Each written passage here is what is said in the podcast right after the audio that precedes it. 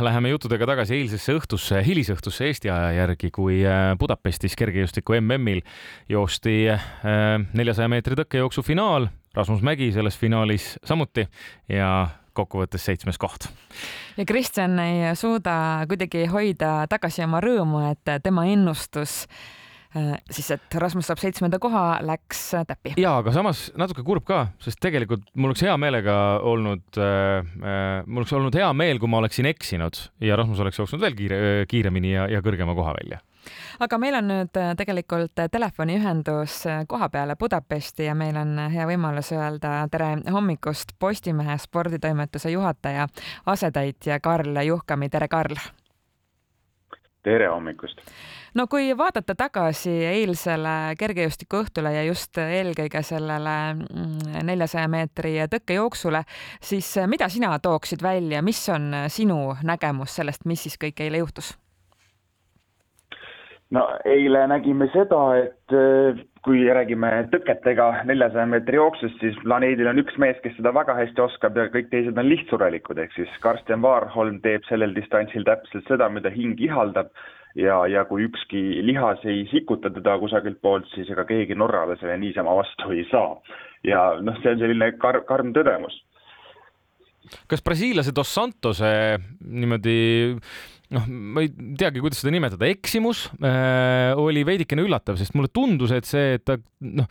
tema oleks olnud ilmselt Varholmile üks suuremaid konkurente, aga see ühel tõkkel niimoodi riivatud seda tõket, rütm kadunud ja polnudki midagi teha enam jaa, kui neljasaja meetri tõkkejooksus ikkagi kusagilt selline riive tuleb, siis äh, jooksurit sassi läheb, siis ta võtab nii palju hoogu kinni ja selles sajandiku mängus on see kindlasti, kindlasti kaduma läinud koht, kui mitte kohad, kui mitte medalid siis Kato Santuse puhul. samas brasiillase puhul tuleb ju neitida, et äh, märtsikuus või veebruaris, millal ta nüüd endal põlve vigastas ja meniski operatsioonil käis, ei olnud eeldanud keegi, et ta üldse siin MM-il kohal on, nii et, et olla MM-il finaalis ja viies, jah, tiitlit kaitsta ei õnnestunud, aga, aga see on siiski üle ootuste, see üldse, mida Dos Santos siin kokku õnnestus panna aga räägime Rasmus Mägist, millised olid noh, ma ei tea, kas meie või tema enda ootused, milliste mõtetega ta läks sinna finaali ja mida tal siis õnnestus teha? no Mägi, kui ta siin juuli viimasel nädalavahetusel Kadrioru staadionil rekordi püstitas nelikümmend kaheksa null neli karjääri paremuselt teine jooks sellega said ootused krutitud päris kõrgele nii tema enda puhul kui ka mõistagi Eesti spordisõpradel. ei läinud paraku see ettevalmistus kõige paremini, reie lähendaja lihas oli see, mis tal probleeme hakkas natukene valmistama siin MM-i eel. Ja nagu ta pärast jooksu ka tunnistas, see ei olnud nagu otseselt probleem, aga see oli siiski miski, mis natukene sellest, sellest MM-ist ja sellest MM-finaalist auru välja lasi, et see ei olnud see põhjus, miks, nagu ta ise ütles, tahtnuks joosta alla neljakümne kaheksa sekundi, aga see soov ei täitunud, et, et mingi, mingi pitseri see jättis. natukene kahju on, samas nii Tokyo olümpiafinaalis, nii Riia olümpiafinaalis kõik ajad olid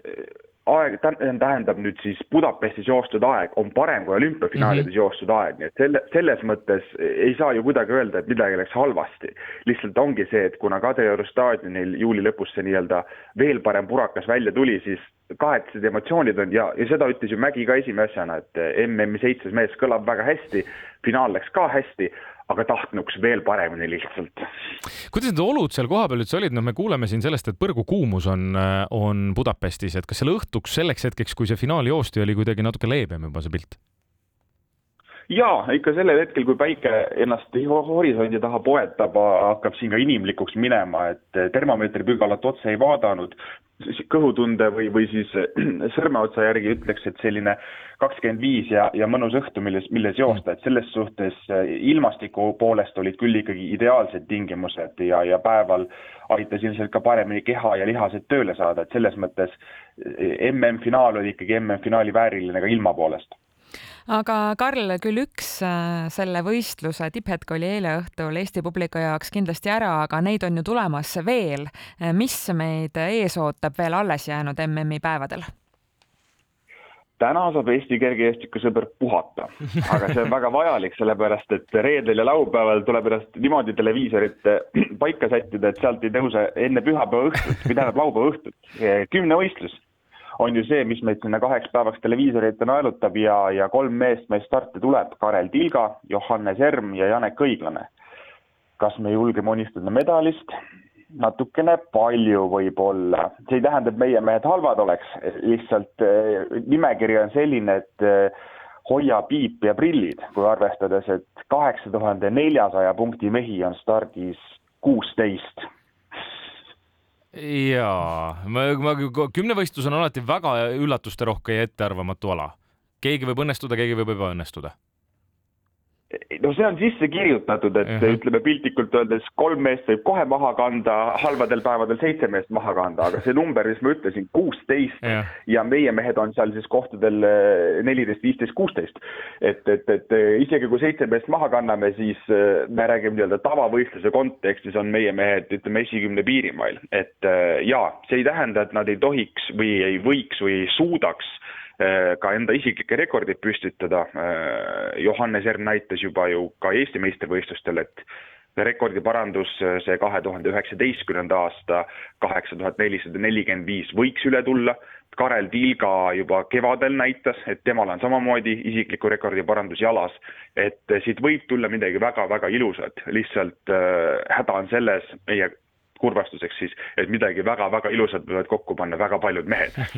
kes neist kolmest võiks olla kõige kõrgemal positsioonil? mis sa pakud? vot, hea küsimus, et äh, eks Tilga ja Erm äh, omavahel selle tiitli võivad välja jagada, kumb neist parim eestlane on, et Janek Õiglase puhul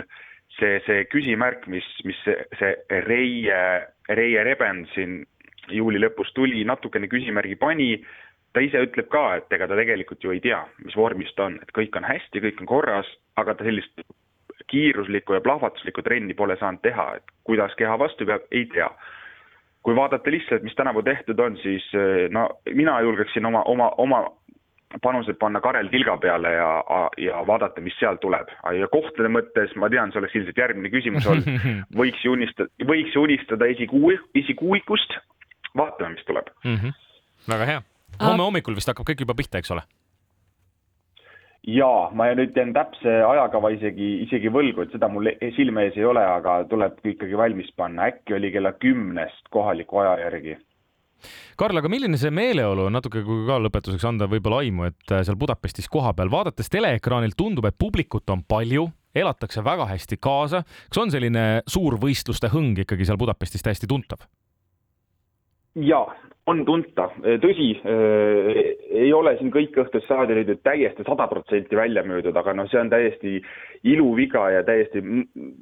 tühine, tühine detail, millele tähelepanu juhtida selles suhtes, et kui sul staadionis on ikkagi ütleme, seitsekümmend viis protsenti täis ja mis põhiline, see on kergejõustiku teadlik publik, kes oskab kaasa elada, noh, siis mi, mida veel hing ihkab nii-öelda, et siin äh, Äh, kes vaatasid telepildis, siis äh, meeste kaugushüppe finaalis ju Gianmarco Tamberi pani püsti sellise show, et hoia ja keela, hüppas siin, mängis trummi, hüppas siin veetakistuse nii-öelda, veetakistusse